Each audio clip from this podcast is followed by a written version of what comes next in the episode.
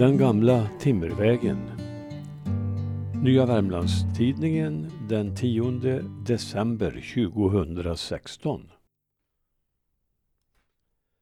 Hunden lär vara människans bästa vän. Det må så vara, men för de värmländska skogsborna var hästen helt oumbärlig i generationer. Hästen var den slitstarka kamraten i jordbruket och i timmerskogen.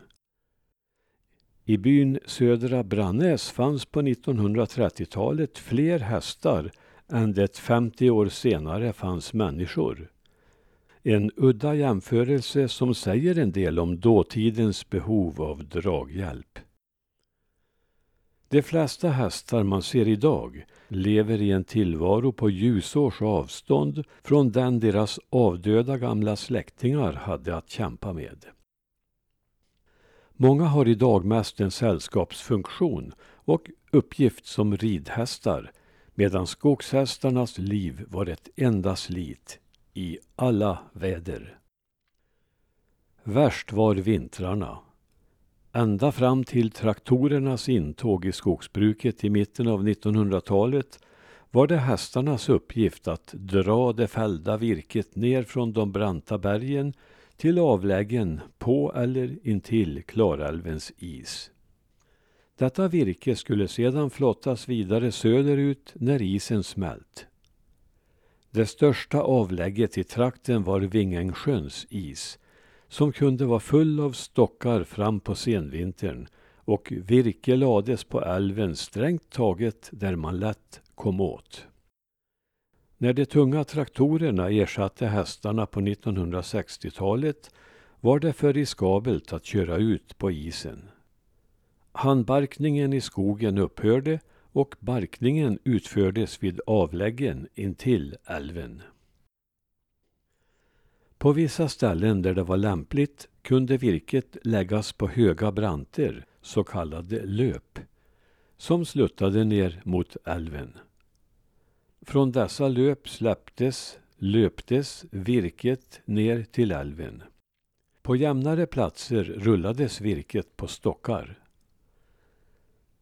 På alla små körvägar strävade hästar fram med sina tunga lass ner från bergen. Nils Olsson i Brannäs, som var en av många körare, berättade att det någon gång var så många som 49 hästar igång på vägen från Holmberget ner till Vingängsjön.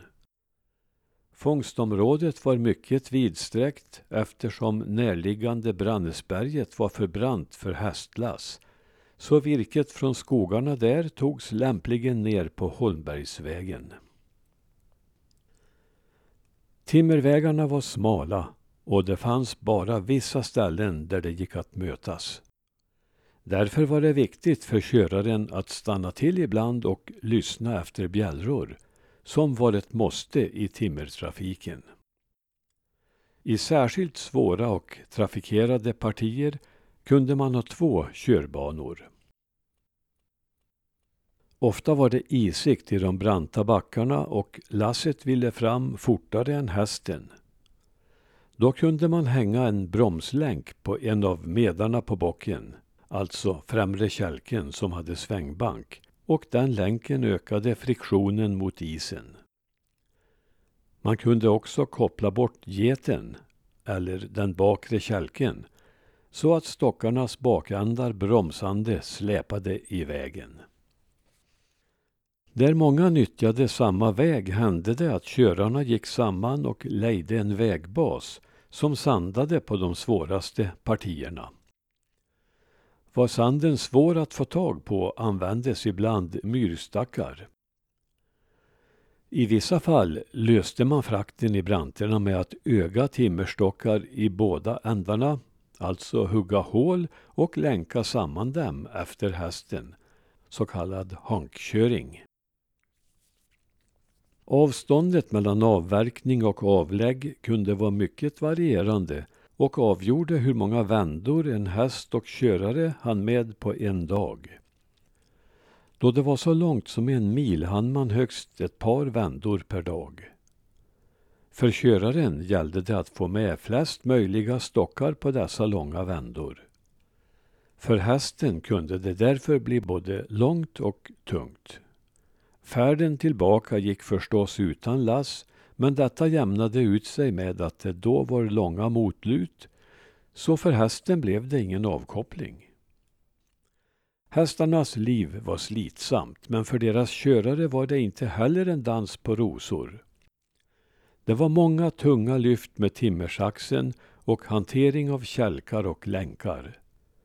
För att utnyttja det kortvariga dagsljuset så mycket som möjligt gällde det att ligga i. Långt innan solen trängde genom mörkret var köraren uppe, ofta vid femtiden, och stillade hästen, alltså gav den foder, och förberedde dagens arbete. Det var vanligt att körarna hyrde in sig i hus nära avläggen för att inte spilla tid.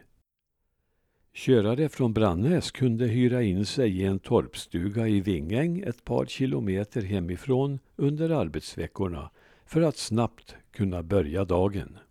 Vissa stugor hade golven fulla med inhyrda körare och fick på så vis in en liten välkommen inkomst. Hästarna fick tillfälligt logi i något uthus. Körarens sista uppgift för dagen var att rykta hästen och se till att den hade mat och vatten. Då hade det hunnit bli kväll och mörkt och först då var arbetsdagen slut. Efter tidig frukost för man och häst bar det iväg uppför bergssidan. Hästen fick snart upp värmen och köraren hade en säck med hö att sitta på. På väg hem var höet uppätet och det var bara den tomma säcken som skyddade baken mot de kalla stockarna. På hygget var det körarens tur att arbeta upp värmen. Ibland hade han hjälp av en läskär, en så kallad brosslare, som hjälpte till att dra fram virket i högar. Nu fick hästen vila men det var inte alltid till fördel för i 30 graders köld var det inte lätt att stå stilla och hålla värmen. Kallt kunde det bli, men virket skulle ner från bergen oavsett temperatur och köraren måste arbeta ihop sin lön. Annars fanns det säkert dagar då både karen och hans fyrbenta vän helst hade stannat inne. Från Älvdalen i Dalarna berättas att det på nyårsdagen 1905 var ner till 52 kallgrader och att hästarna bara hade ett granrisstall att stå i. Trots att de hade täcken och rikligt med foder skakade de så att de knappt orkade hålla sig på benen. De måste sättas i rörelse och karlarna satte sig på deras ryggar och red vilt i det branta berget hela eftermiddagen. Fram på natten slog vädret lyckligtvis om så att både djur och människor klarade persen. Körarna var alla från Fryksdalen och därifrån ska de styvaste timmerkörarna ha kommit. Fryksdalingarna var de som lärde norrlänningarna timmerkörandets konst och de ska ha varit först med getdoningen att frakta på. Getdoning, alltså bock och get. Då våren kom var hästarna ganska tröttkörda och samma var säkert fallet med deras herrar. Vinterns slit i skogen tog hårt på krafterna. I mitten av 1900-talet tog maskinerna över mer och mer och hästarna blev nästan borta från skogsbruket. I viss mån tycks de ha kommit till heders igen i småskalig verksamhet på sina håll. Miljövänligare än så lär det inte bli.